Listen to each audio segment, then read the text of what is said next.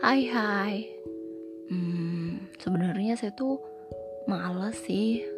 Bukan males Kayak belum siap aja buat podcast kayak gini. Cuma tiba-tiba tadi temenku ngomong hmm, Coba dia download aplikasinya terus bareng. Ya udah nggak ada salahnya buat nyoba kan? Um, nanti bakalan ada podcast-podcast selanjutnya sih semoga kalian suka ya. Saya lebih seneng buat cari yang bahagia aja kayak enggak sih? Kayak cerita keseharian saya gitu kali aja kena sama kalian. Oh ya itu judulnya ya.